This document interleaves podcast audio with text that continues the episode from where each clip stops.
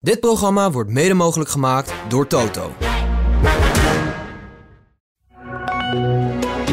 Dit is de AD Voetbal Podcast met Etienne Verhoef. Hoe lang heeft Erik ten Hag nog? Ajax Volendam, een echte kelderkraker. Bestaat de bekerstunt nog wel? En een blik op het weekend. Dit is de AD Voetbal Podcast van 3 november. We gaan het allemaal doornemen met Sjoerd Massou. Uh, Sjoerd, ik wil maar even beginnen in Manchester. Hebben we nog na dit weekend een Nederlander actief als coach in de Premier League, denk jij, of niet? Ik vermoed van wel. Oh, want? Ja. Nou, omdat ze echt wel, wel ja, voornemens zijn om hem niet te ontslaan. En um, dan, dan moet je altijd bij zeggen dat je het nooit weet. Want als je met 4-0 van Fulham verliest, dan kunnen dit soort, kan dit soort dynamiek ook opeens heel snel gaan. Mm -hmm. Maar je, je, bij Ten Hag is wel iets aparts aan de hand in die zin dat... Kijk, die hele achterban en die hele club en ook de aanstaande nieuwe eigenaar, uh, Jim Radcliffe, uh, voor een kwart, uh, maar, weliswaar, maar die, die gaat ook het, het, voetbalbedrijf leiden. Ja. Die zijn er eigenlijk allemaal van, wel bewust van dat, dat het probleem van United vele malen dieper zit dan bij alleen de trainer. Um, dat besef is eigenlijk wel alomtegenwoordig, is ook niet zo ingewikkeld, is ook logisch, want als je de afgelopen tien jaar bekijkt, sinds het vertrek van, um, van Ferguson, dan zie je ook dat ze natuurlijk best wel aardige trainers gehad hebben. maar dat het eigenlijk nooit gelukt is. Ja. Uh, die club is, is door en door verroest of verrot, of hoe je het ook noemen wil, van binnen, echt van hoog tot laag. En uh, dat zit hem in alle lagen van die club. Um, en dat, nou ja, goed, dat ziet eigenlijk iedere United-volger, ziet dat wel. En uh, juist daarom ook heeft Ten Hag uh, voor een trainer die er helemaal niks van bakt dit seizoen. Uh, want acht keer verliezen van de 15 wedstrijden is natuurlijk dramatisch. Is het geen enkele ontwikkeling in het voetbal. de aankopen die, die, die veel, veel op voorspraak van hem gehaald zijn. Tegen Willem Dank trouwens vaak. Maar toch mm -hmm. wel op zijn voorspraak gehaald zijn. Die, die renderen nog totaal niet. dat is allemaal waar. Maar toch um, ja, zit het diepere chagrijn richt zich eigenlijk vooral uh, bijvoorbeeld op de Glazers, uh, richt zich op het, uh, op het voetbaltechnisch beleid binnen de club. ligt hem op, alle, op allerlei randzaken. Op eigenlijk een, een, een cultuur van decline noemde Gary Neville het laatste. Ja. Dat, dat onder de Glazers is eigenlijk alle, op alle gebieden is de lat eigenlijk om, stilaan omlaag gegaan. Of het nou het onderhoud aan het stadion en het trainingscomplex is. Uh, het, het, het, niveau van, van werken, eigenlijk op alle vlakken, um, is, is United een soort middelmatige club geworden. Ook het niveau van mensen op kantoor, in, op to, topfuncties. En um, ja, dat, dat, dat, dat ziet en erkent uh, bijna iedereen in Engeland wel. En daarom dus um, ja, heeft Ten Hag relatief veel krediet voor een trainer die het heel slecht doet. En nogmaals, dat kan zomaar veranderen. Het is topvoetbal. En uh, als hij van 4-0 Fulham verliest en daarna moeten ze uit naar Kopenhagen. Nou, ja, dat is ook een belangrijke wedstrijd in de Europa League. Of in de Champions League. Champions League, ja, precies. Um, en um, dan kan het ook snel gaan. Daar moeten we ook niet naïef over zijn. Daarna hebben ze nog Luton Town en dan is het uh, Interland weekend. Um, maar ook Jim Radcliffe, dus de, de man die het, die het gaat overnemen, was eigenlijk wel voornemens om, om de manager voorlopig te laten zitten. Om eerst boven hem, of onder hem, moet je, dus net hoe je het bekijkt, dat hele voetbalbedrijf te gaan herstructureren. En daarvan ziet hij, uh, dat laat ik me vertellen door mensen die het kunnen weten, maar Ten Hag niet als zijn prioriteit. Dus als het enigszins kan, hè, en, en ze rollen het seizoen een beetje normaal door in de komende maanden, moet niet te gek worden natuurlijk ja, dan, dan willen ze hem het liefst wel eigenlijk wel laten zitten. Maar ja, um, de bal is rond, hè. Dus we moeten het even afwachten. Maar ik, ik, hij, het is niet zo dat hij... Hij lijkt van de... Als je misschien van een afstand naar kijkt... ehm, is hij dichter bij het ontslag... dan dat hij daadwerkelijk is op dit moment. Ja, Op dit moment, in the morning wordt dan gezongen door de supporters van eh, Newcastle dit week, eh, deze week eh, tijdens de League Cup wedstrijd. Gary Neville zei The Theater of Nothing. Dat zegt natuurlijk ook wel wat, toch? Ik vind Gary Neville trouwens, even side, sidestep, die vind ik echt goed. Ik ook. Ik vind hem heel leuk in die Dat dingetjes. vind ik is echt een eh, ontzettend leuke eh, gast. Eh, hij zit ook geweldig in die, in die Beckham documentaire, vind ik. Een prachtige rol heeft hij daarin. Dan denk je van nou, zo'n vriend wil iedereen wel hebben. Als Gary Neville, een heel loyale vent. Ja. En ik vind hem ook altijd goed in zijn analyses en, en, en, en origineel. hij, hij zei van de week zei hij ook van ja, we hebben eigenlijk niet, niet Jim Radcliffe nodig, we hebben Daniel Radcliffe nodig. Ja, ik vind schitterend. Harry. Potter. Ja. Ja. Eh, nee, maar die, die, die, heeft, die is wel origineel en grappig, ja. Maar ehm eh, we hadden het over, oh ja, die supporters van Newcastle. Ja, ja. dat vond ik ook nog wel grappig. Ik heb vanmorgen nog een stuk over gemaakt. Dat eh, you getting, you getting sacked in the morning is, is natuurlijk een klassiek spreekkoor in Engeland. Mhm. Alleen zelfs dat eh, gaat in, bij United bijna niet, hè. Nee. Ehm, alles gaat daar zo ongelooflijk traag. Dat, dat ja, de volgende ochtend, dan hebben ze dat besluit nog lang niet genomen. Want dan moeten er eerst nog 33 afdelingen moeten daar een eh, ei overleggen. En bovendien, heel simpel, praktisch probleem. Die eh, Glazers die wonen natuurlijk in Florida. Vier uur tijdsverschil. Dus eigenlijk ieder eh, besluit moet, moet overlegd worden met die Glazers altijd. Dan moeten Zoom-vergaderingen voor worden ingepland. Die moeten dan in dezelfde tijdzone worden gepland. Eh, die mensen geven bijna niks om voetbal. Dus ze- die Ja. zijn niet de hele dag met, met United bezig. Dus dat zijn wel grappige dingen als je dat dan een beetje hoort hoe dat daar gaat. Als er een, een, een speler moet worden gehaald of er moet een transferbudget worden vastgesteld. Eh, dat, dat gaat allemaal zo ongelooflijk traag. En eh, dat is zo ongelooflijk eh, ja, onduidelijk en eigenlijk onwerkbaar. Dat, ja, dat, het, dat het geen toeval is dat, dat United staat waar staat. Nee, maar dan was jij vorig weekend bij die Manchester Derby. Is Ten Hag ook al de wanhoop nabij over het spel van zijn ploeg? Want ondanks dat aan de bovenkant natuurlijk een hoop gedoe is en dat dat voor afleiding zorgt. Het is natuurlijk ook niet om aan te gluren United dit Nee, jaar. Laat dat duidelijk zijn. Het, het, het voetbal is echt enorm slecht en valt ook enorm tegen. Je had echt gehoopt. Kijk, die derde plaats was eigenlijk een, een onverwachte meevaller. Als je kijkt naar de concurrentie, die is zo sterk. Liverpool had een middenseizoen. Eh United eigenlijk een beter seizoen dan dat je zou mogen verwachten op basis van het materiaal en, en de ontwikkeling van het team in de jaren daarvoor. Dus die derde plaats was eigenlijk een meevaller. En om daar dan eh, een soort nog verbetering in te verwachten qua prestatie. eh, met Liverpool er weer bij. Ja. Eh, met Chelsea, die, die, die zijn niet aangehaakt, maar die zouden er normaal ook weer bij komen. Dus je, dat, dat hoefde je niet per se te verwachten. Maar wel in het spel had je, had je eigenlijk de hoop en verwachting dat Ten Hag, juist met het, als de trainer die die is, dat daar een soort ontwikkeling, een soort verbetering in zou komen. En daar is geen enkele sprake van. Dat is allemaal wel verklaarbaar. Er zijn al blessures. eh Rafael Varaan en eh Casemiro zijn allebei spelers die een beetje over de hill dreigen te raken. Die worden, die worden wat minder.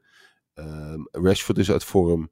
Eh Lisandro Martinez, belangrijke speler natuurlijk, die die in de opbouw heel erg nodig heeft. Die die is geblesseerd. Ehm, de aanvallers zijn, die presteren totaal niet. Hè? Dus, Nee. dus eh, Anthony is natuurlijk een drama. Zowel eh, in die, in die eh, zaak die rondom hem speelt, mishandelingszaak, maar, maar ook gewoon op het veld. Komt echt gewoon nog geen, nog geen koelkast voorbij. Ehm, dus dat is, ehm, ja, dat is wel echt heel teleurstellend. En dat, dat vragen zich in Engeland ook wel af. Hè? Want ze hadden echt een verwachting van nou, we gaan een soort Ajax-voetbal spelen, zoals ze dat in Engeland al zien. Ehm, maar dat, daar is echt niks van terechtgekomen. En vorig seizoen was dat ook nog wel verklaarbaar. Want met het materiaal dat je had, eh, is het logisch. Hè? Ze begonnen toen ook heel slecht natuurlijk met twee, twee nederlagen.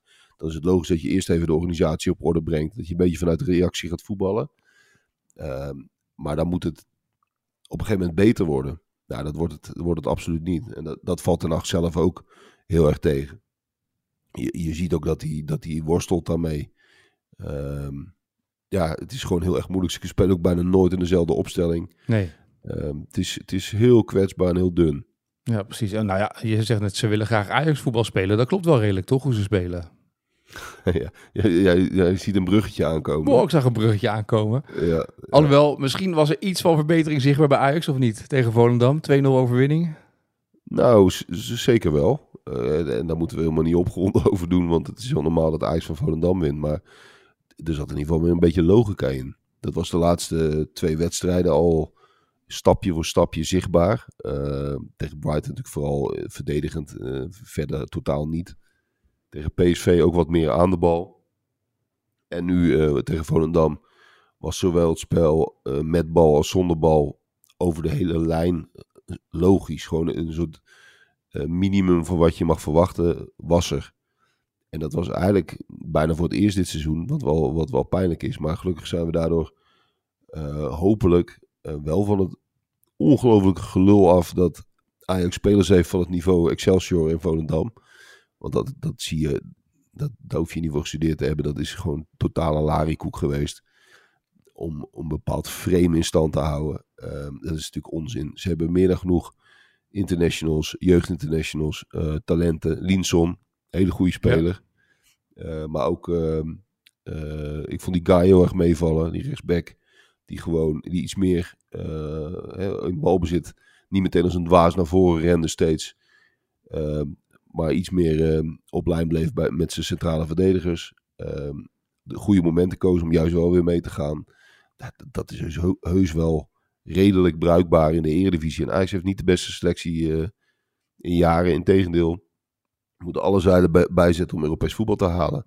Maar we moeten net, net gaan doen alsof we een soort uh, een stelletje halve in dat team lopen. Uh, er is nog steeds heel veel kwaliteit. En als je dan gewoon normaal doet, uh, zoals Van Schip nu eens gaan doen, dan, uh, dan haal je gewoon punten.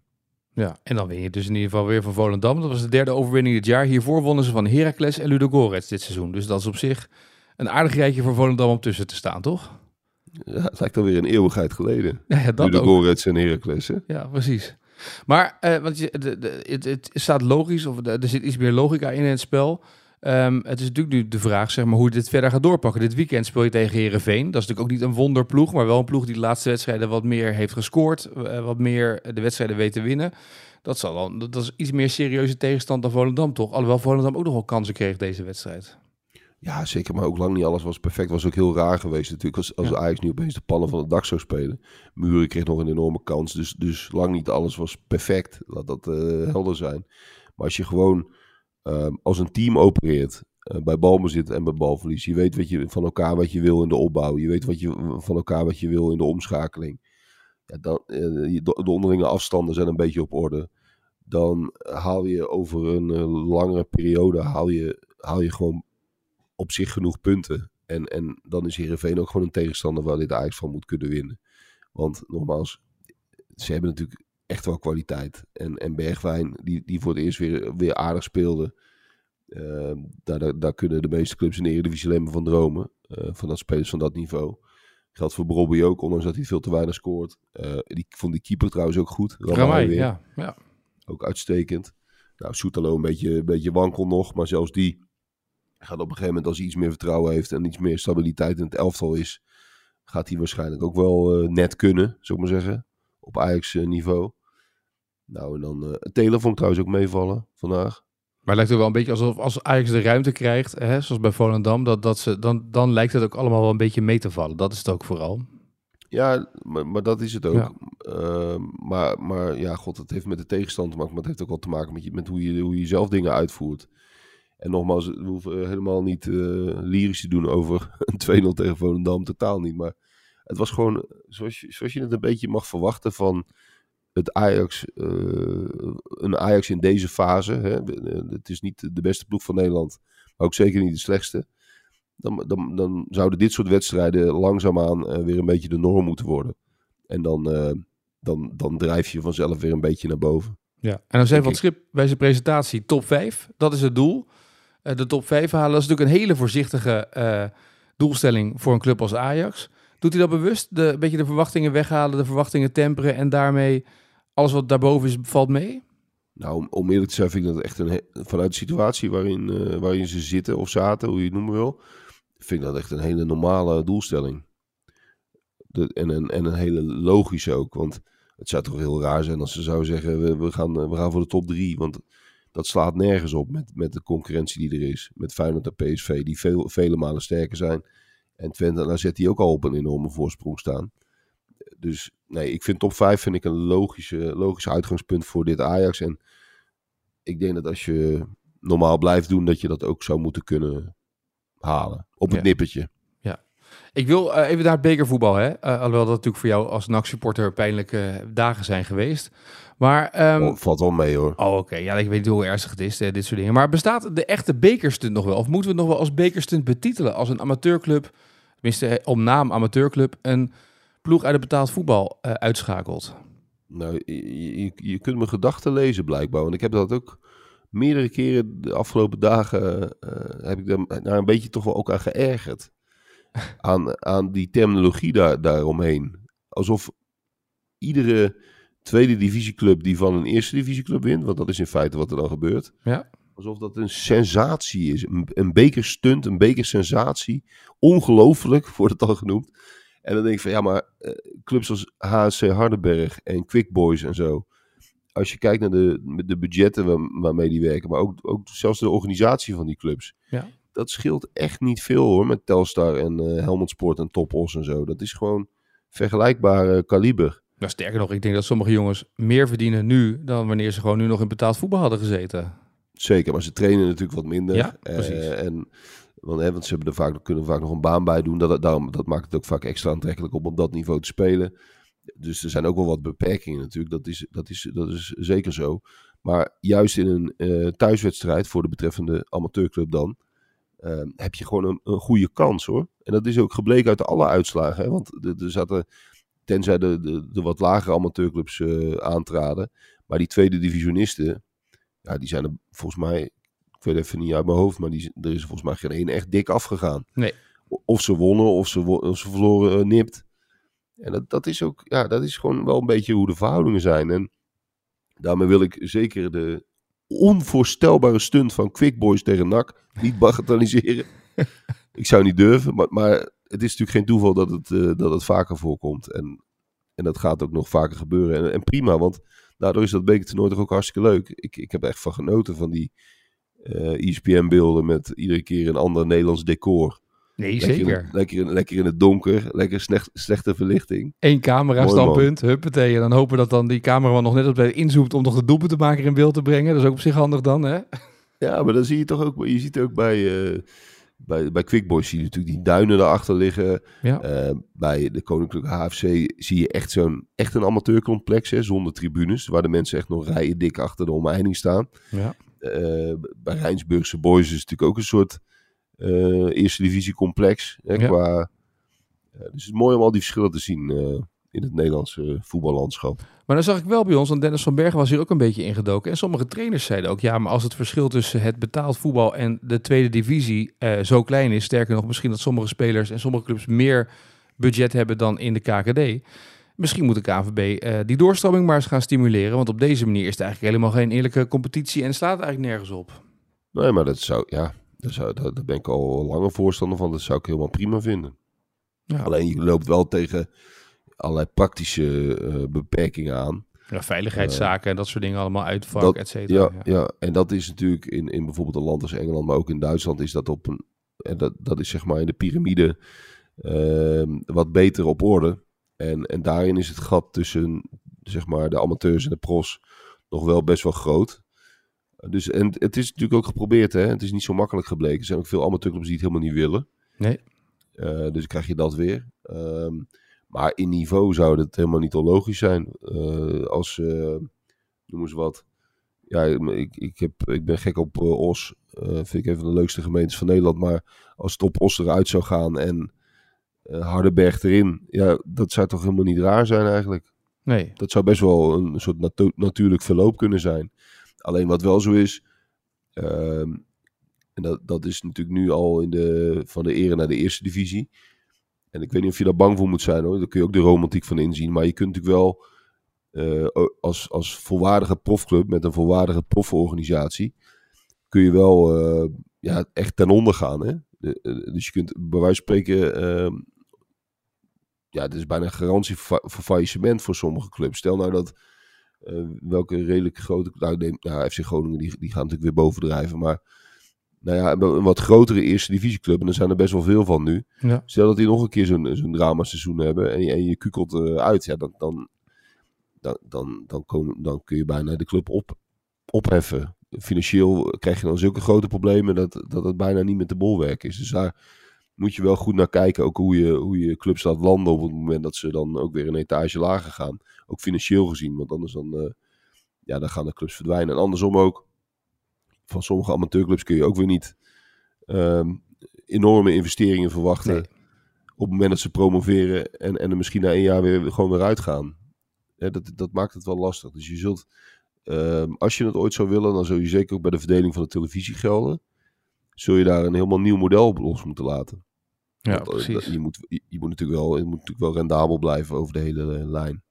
Ja, precies. En misschien is het ook wel het verschil. We weten dat die amateurclubs natuurlijk enorme achterban hebben die er elke week voetballen. Dat is natuurlijk ook wel weer de charme. Dat mag ook weer niet verdwijnen natuurlijk, toch? Ja, maar dat, dat is natuurlijk al de laatste jaren best wel veranderd. Hè? Je, had, je had vroeger, eh, waren die, die, die hogere amateurcompetities waren natuurlijk al meer re- regionaal georiënteerd. En dat hebben ze al een beetje op de schop gegooid. Ook de zaterdag en, zon, en zondag is veel door elkaar gegooid. Eh, dus dat is al, daar is trouwens ook al heel veel onvrede en, eh, over. Maar zeg maar de, het oude scenario dat bij wijze van spreken eh, heel de bollenstreek tegen elkaar voetbalde, dat, dat zie je al Dat wat minder hoor. hè, dan vroeger. Ja. Ja, maar dat is toch minder geworden? ja Jij veel minder. dat ja. beter dan ik. Nou ja, inmiddels Ja. is er zijn natuurlijk steeds meer teams in de tweede divisie, veel, veel meer clubs gekomen in de tweede divisie die vroeger ook nog wel een beetje bij elkaar in die competitie zaten. Want Quick Boys zat in de hoofdklasse A zaterdag, Noordwijk zat daarin, Katwijk zat er natuurlijk in, Scheveningen zat erin, Rijnsburg.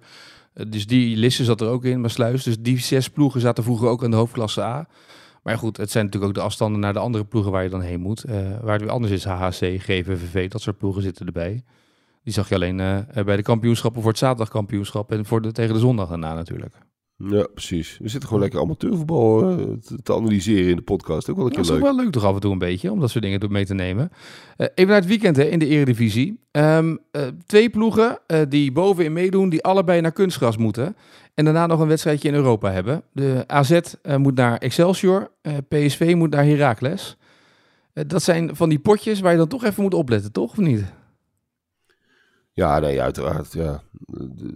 Dat, dat klopt. Maar ja, god, dat ho- dat hoort ook gewoon bij de competitie. Over een jaar zijn we geloof ik vanaf, hè? Ja, Van het twee kunstgras jaar, althans. Ja, Twee twee jaar, zoiets, ja. 2000. ja. 24, 25 toch? ja. Nou ja, ehm, maar dat is, eh, dat, ja, dat, dat is altijd een, eh, een, een hobbel die je in zijn seizoen moet, ne- moet nemen. Maar goed, PSV is nog helemaal foutloos.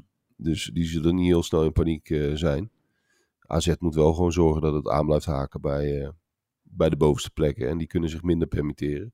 Maar ehm, ja, nee, dat zijn, eh, dat zijn lastige wedstrijden. Ja, maar voor de rest hebben de ploegen bovenin. eh Feyenoord moet naar RKC Waalwijk, Twente moet naar Utrecht. Ze hebben allemaal een uitwedstrijd, maar het zijn niet allemaal de meest ingewikkelde uitwedstrijden. Het zijn geen bananenschillen.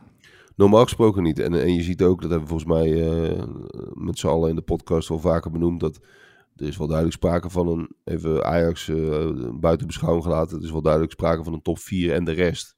Ja. Ja, dat zie je ook aan de resultaten. Het, het verschil tussen, tussen die kopgroep en, eh, en de hele grote groep daaronder is best wel klein. Ja. Overigens, daar moeten we ook nog een keer eh, eh, op inzoomen. Want het Nederlands voetbal heeft namelijk, komen we een keer la- later op terug, een teaser is dit, maar heeft een enorm grote Ja. van clubs. Als je alle clubs beschouwt, dus hoeveel zijn het er, 34 of zo, Mhm. dan, dan heb je eigenlijk een, een gigantische middengroep van wel 20 clubs. Die, die loopt eigenlijk helemaal door tot in de eerste divisie, die, die, die groep clubs. En ik, ik zou er een keer voor willen pleiten dat die clubs, juist die categorie clubs, zich veel beter gaan wapenen in de voetbalpolitiek in Nederland. Hoe bedoel je dat? Nou, ehm, ja, dan gaan we er toch op in. Dan Ja. gaan we er toch op in. Nou, eh, de, er is een nieuw televisiecontract gesloten. Hè? Dat, Mhm. dat weet, je, dat weet eh, iedereen. En daar wordt, eh, de, de- er wordt weer een verdeelsleutel op losgelaten. En ehm, de eerste divisie gaat op vooruit, de eredivisie ook. Maar de eredivisie gaat er procentueel gezien veel meer op vooruit dan de eerste divisie. Dan kun je zeggen, dat is logisch.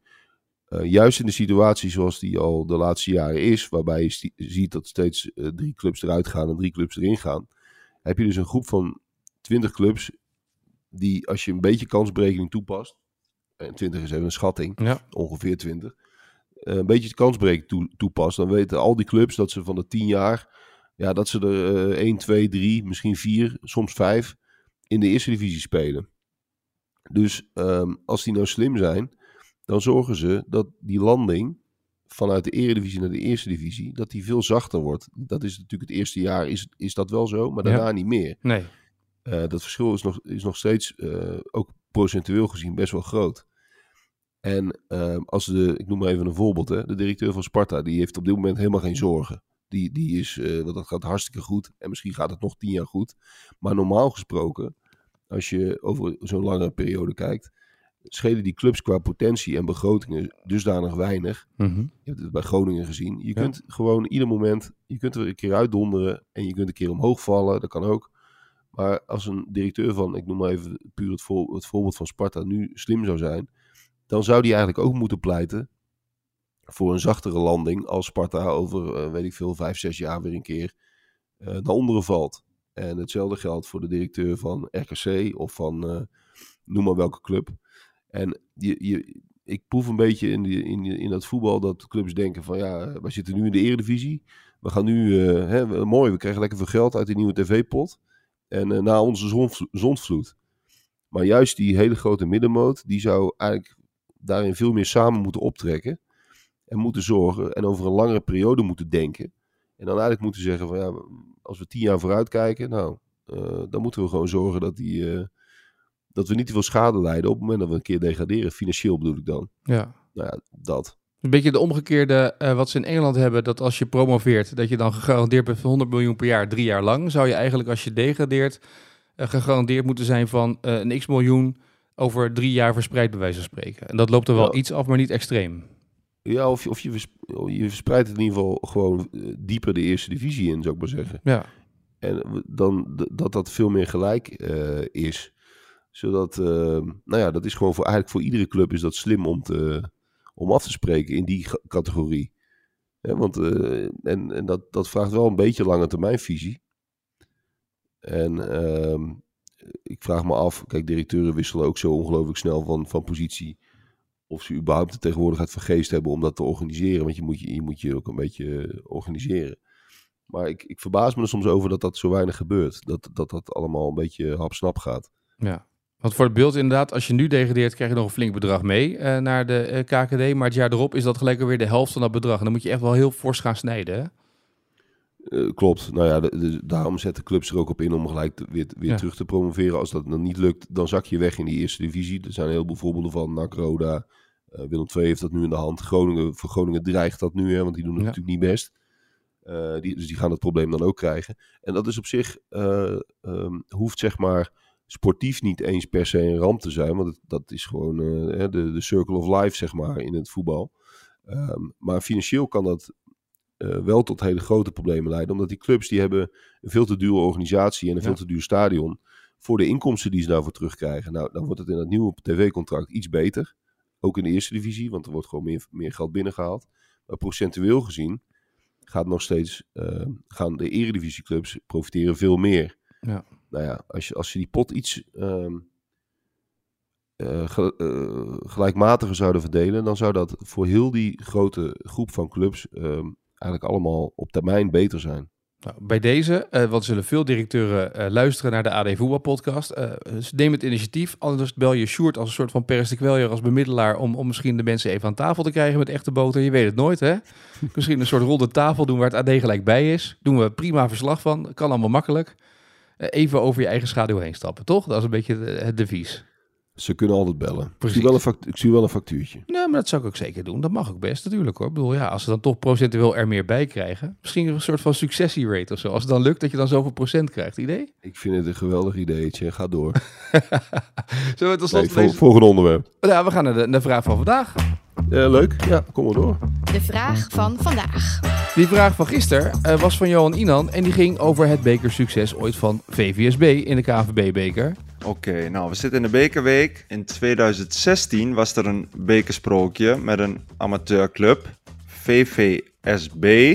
Wie was toen de trainer van VVSB die uit mijn hoofd de halve finales bereikte? Oeh. ehm, ik weet wel nog die jongen die bij de HEMA werkte. En, eh, ja, nee, die weten we ook zo. allemaal nog. Maar wie was de trainer? Ehm, moet, moeten we die kennen uit, uit, een, uit het betaald voetbal? Nee, dat viel niet zozeer mee, nee. Maar het was, een hoop mensen kunnen het nog wel herinneren. ehm, eh, omdat hij, ja, hij is volgens mij nog in Eindhoven daarna geweest. Maar hij was, daarvoor was hij gewoon echt eh, trainer in het amateurvoetbal. Veel mensen waren heel blij dat ze dit ook wisten trouwens, deze vraag. Die was bij veel mensen blijven hangen. Oké, nee. ik- heb ook geen beeld meer van die man. Wel, wel van die van eh, Spakenburg. Ja, nee. Ja, Die, eh, die voor iedere camera springt die er tegenkomt. maar ehm, nee, VVSB eh, zie ik niet gelijk een gezicht bij. Nee, het mooie was, ik zal even wat, mails voorlezen van mensen die op reageerden. Bijvoorbeeld eh, ehm, Bas Boudewijn. Het antwoord op de vraag van vandaag is Wilfred van Leeuwen. Ik werkte destijds als tiener in Den Haag bij strandpaviljoen De Kwartel, waar Wilfred ongeveer die tijd ook de eigenaar van was. Ik werkte achter de bar en na elke pot was het weer de vraag hoe ze het nou weer geflikt hadden. Ja, en na bij FC Eindhoven was volgens mij lastiger te combineren met die strandtent. Toen was ik daar weer vertrokken. En dat bekeravontuur blijft een mooie prestatie. Dus zo kwam Bas Boudewijn op het antwoord. En eh, ook eh, via eh, Twitter, via X, topamateurvoetbal.com. Die moesten dat natuurlijk wel weten dat dit Wilfred van Leeuwen was. Dus daarbij de eervolle vermelding. Dus mensen die wisten dit uit het blote hoofdje toch nog wel op te noemen. Maar een verhaal dat je vroeger werkte met hem, vond ik wel een aardige, toch? Ja, schitterend. De, de naam, denk, heeft, daar krijg ik wel een AH-erlevenis bij. Ja. Maar ik had het niet meer zelf geweten. nee. Ja, ik hoop dat hij ook niet de hele tijd voor elke camera sprong. Dat was natuurlijk ook een beetje zo, hè? Ik bedoel, hè? Volgens mij was Wilfred heel bescheiden. Ja, het was geen Erik Meijers of zo. Of eh, inderdaad de trainer van Spakenburg, precies.